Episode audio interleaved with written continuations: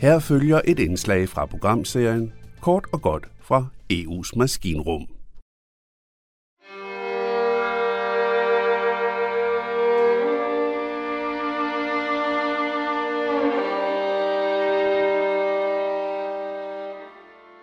Hvordan skal det hele ende?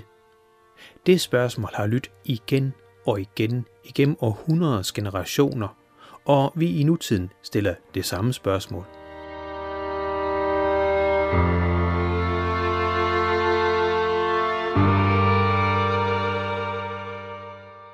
Hvordan det hele ender, kan vi ikke svare på.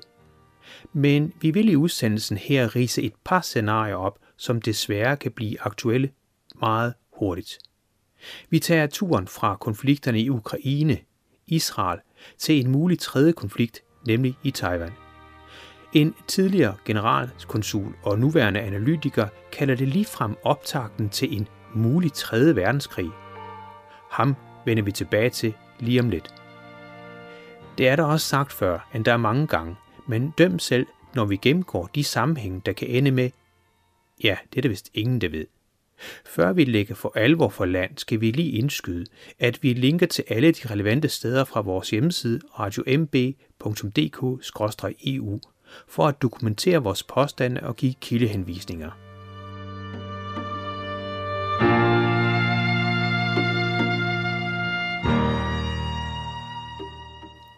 Men nu tilbage til vores rundtur i en voksende sump. At der er krig mange steder lige nu, har nok ikke forbigået ret mange. Vi har tidligere og afskillige gange berørt både krigene i Ukraine og Nagorno-Karabakh i vores udsendelser. I en analyse for nyligt fortalte vi om faren for, om konflikterne kunne sprede sig.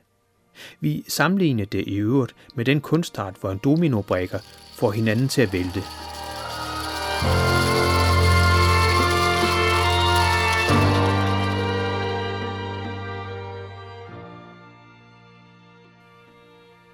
Hvis vi skal bruge et blomstrende billedsprog i den her historie, så er det nok nærmere en sump.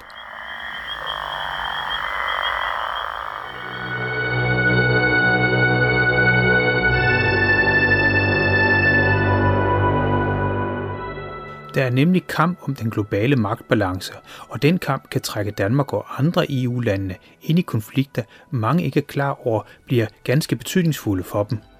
For eksempel oplever nok de fleste konflikten i Israel som noget, der ikke rigtig kan få alvorlig betydning for os i de nordlige egne. Reuters at man er forberedt på krig, og det sker efter, at den palæstinensiske Hamas-bevægelse har indledt et angreb. En mulig konflikt mellem Taiwan og Kina er naturligvis træls, for at nu sige det på godt jysk, men vel ikke noget, der direkte angår os. Konflikten i Ukraine koster os penge, men ellers og der er der slet ikke nogen sammenhæng mellem dem. Nej, måske. I hvert fald ikke lige nu. Men det er her, sumpen kommer ind.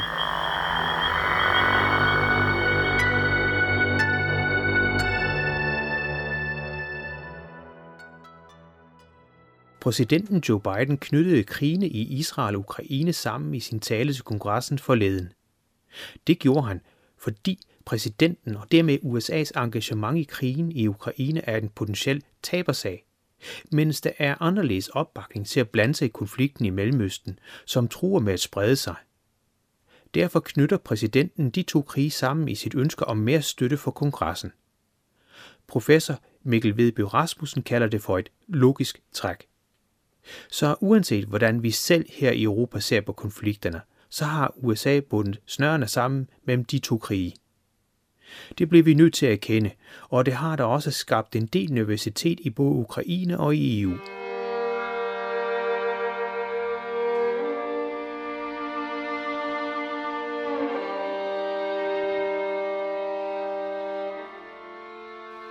Begge steder frygter man for, at USA nu vil rette mere opmærksomhed i retning af Israel og Mellemøsten, som selv ifølge det iranske præstestyre, har udviklet sig til en regulær krudtønde.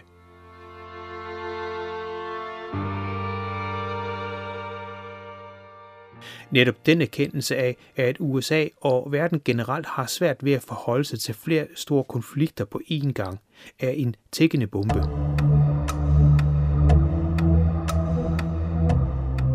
ikke bare for Ukraine eller Mellemøsten. Nej, også for Taiwan. Frygten er, at Kina vil udnytte, at USA er globalt optaget andre steder og dermed forsøge at erobre Taiwan. Sådan lyder bekymringen for blandt andet Jens Worming i en analyse i Kristi Dagblad forleden. Han er analytiker og tidligere dansk generalkonsul i St. Petersborg.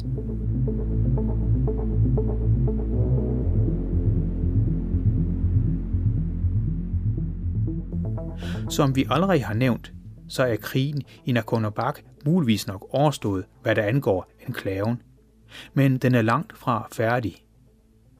I ly af konflikterne i Ukraine og nu også Israel har Azerbaijan erobret den engang selvstændige enklave og retter nu i bogstaveligste forstand skytset imod dele af Armenien.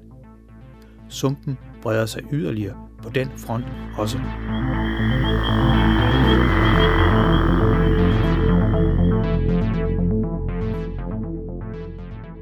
Men for at vende tilbage til Kina og Taiwan, så har vi tidligere talt med flere analytikere fra Forsvarsakademiet, som mener, at USA har en klar forventning om, at EU-landene vil støtte USA i en eventuel storkonflikt med Kina.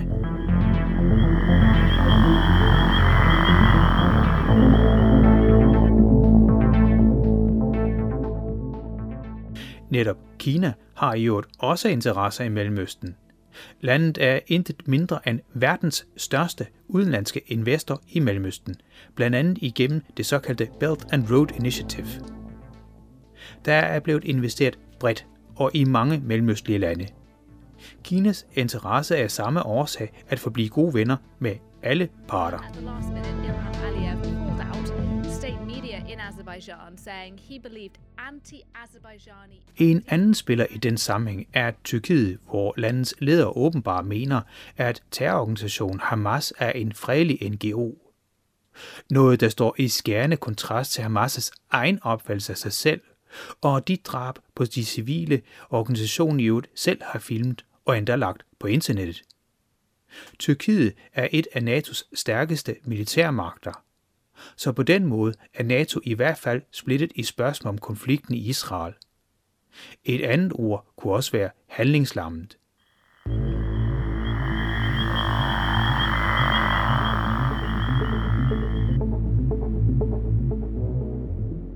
Netop den her meget mere indviklede verdensorden har fået en del analytikere til at spørge sig selv, om gasekrigen ryster den kendte verdensorden altså den orden med, at Vesten med især USA i spidsen kunne sætte den geopolitiske dagsorden og også lægge en eventuel dæmper på konflikter.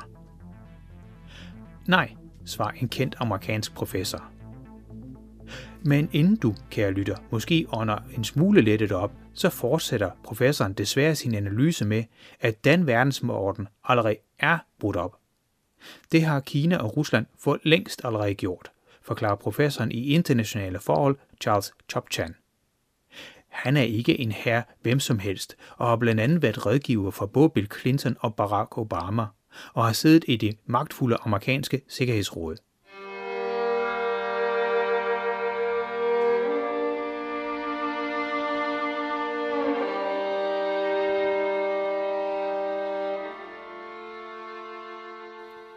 Samme professor tvivler på, at Israel kan udrydde Hamas. Den analyse er professoren langt fra ene om. Et af verdens mest kendte militærhistorikere, Martin von Krivelt, er også pessimistisk. Han forudser en meget lang og blodig konflikt mellem Hamas og Israel. Han er professor emeritus fra Hebrew University of Jerusalem. Han peger i øvrigt på, at der mangler historiske eksempler på, hvor en militærmagt har vundet over en guerilla her. Det er rigtig dårligt nyt. Ikke bare for de mange tusinde, der i skrivende stund lider under konflikten på begge sider. Ifølge Jens Worming er det nemlig afgørende for krigen, at den bliver afsluttet hurtigst muligt. Ellers kan den risikere at sprede sig yderligere. Den spredning er allerede begyndt, men det kan blive meget værre.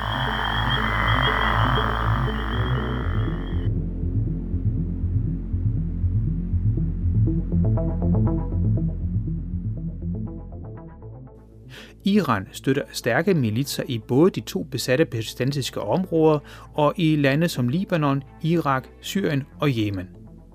Hamas er nemlig ikke den eneste milits, der bliver støttet af det iranske præstestyre. Det gælder også organisationer som Islamisk Jihad, som Iran kan bruge til at angribe sine dødsfjender med, som i første omgang er Israel.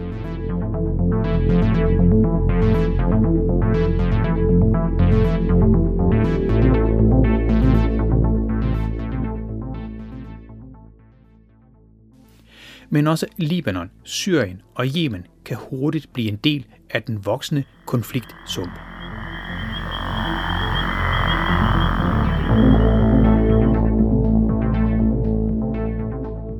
I skrivende stund er der fx sket tre angreb på amerikanske baser i både Syrien og Irak.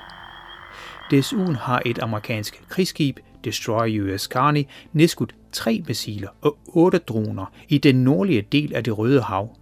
Missilerne var blevet affyret af Houthi-militsen i det krigshav i Yemen. Hvis så Kina udnytter situationen og prøver at erobre Taiwan, som landet officielt har erklæret som mål, så vil USA være nødt til at omprioritere sine militære styrker. EU og dermed også Danmark vil i så fald blive bedt om at overtage ansvaret for krigene i Mellemøsten og ikke mindst Ukraine. Det kan vise sig at være rigtig dårligt nyt for Ukraine, som har fået langt mere støtte fra USA, end EU's samlede lande har kunnet hamle op med.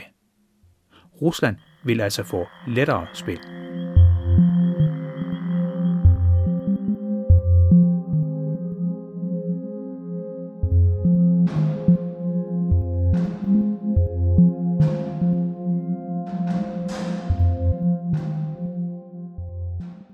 Sandsynligvis vil, som tidligere nævnt, USA i givet fald også bede sine NATO-allierede om støtte i konflikten i Taiwan.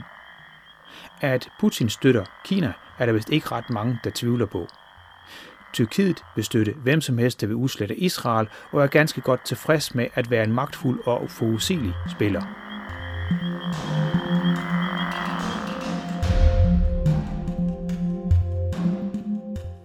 Ser man på alle de lande, der i så fald er en del af en konflikt, så er de spredt over hele kloden. Konflikterne hænger sammen på kryds og på tværs. I praksis vil man så kunne sige, at konflikterne nu er globale. Med andre ord, en verdenskrig.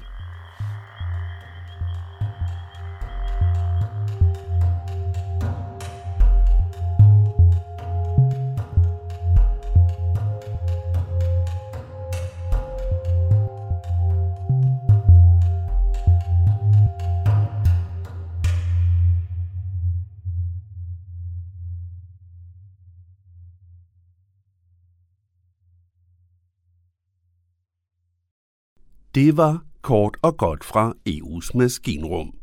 Journalisten, han hedder Jan Simmen.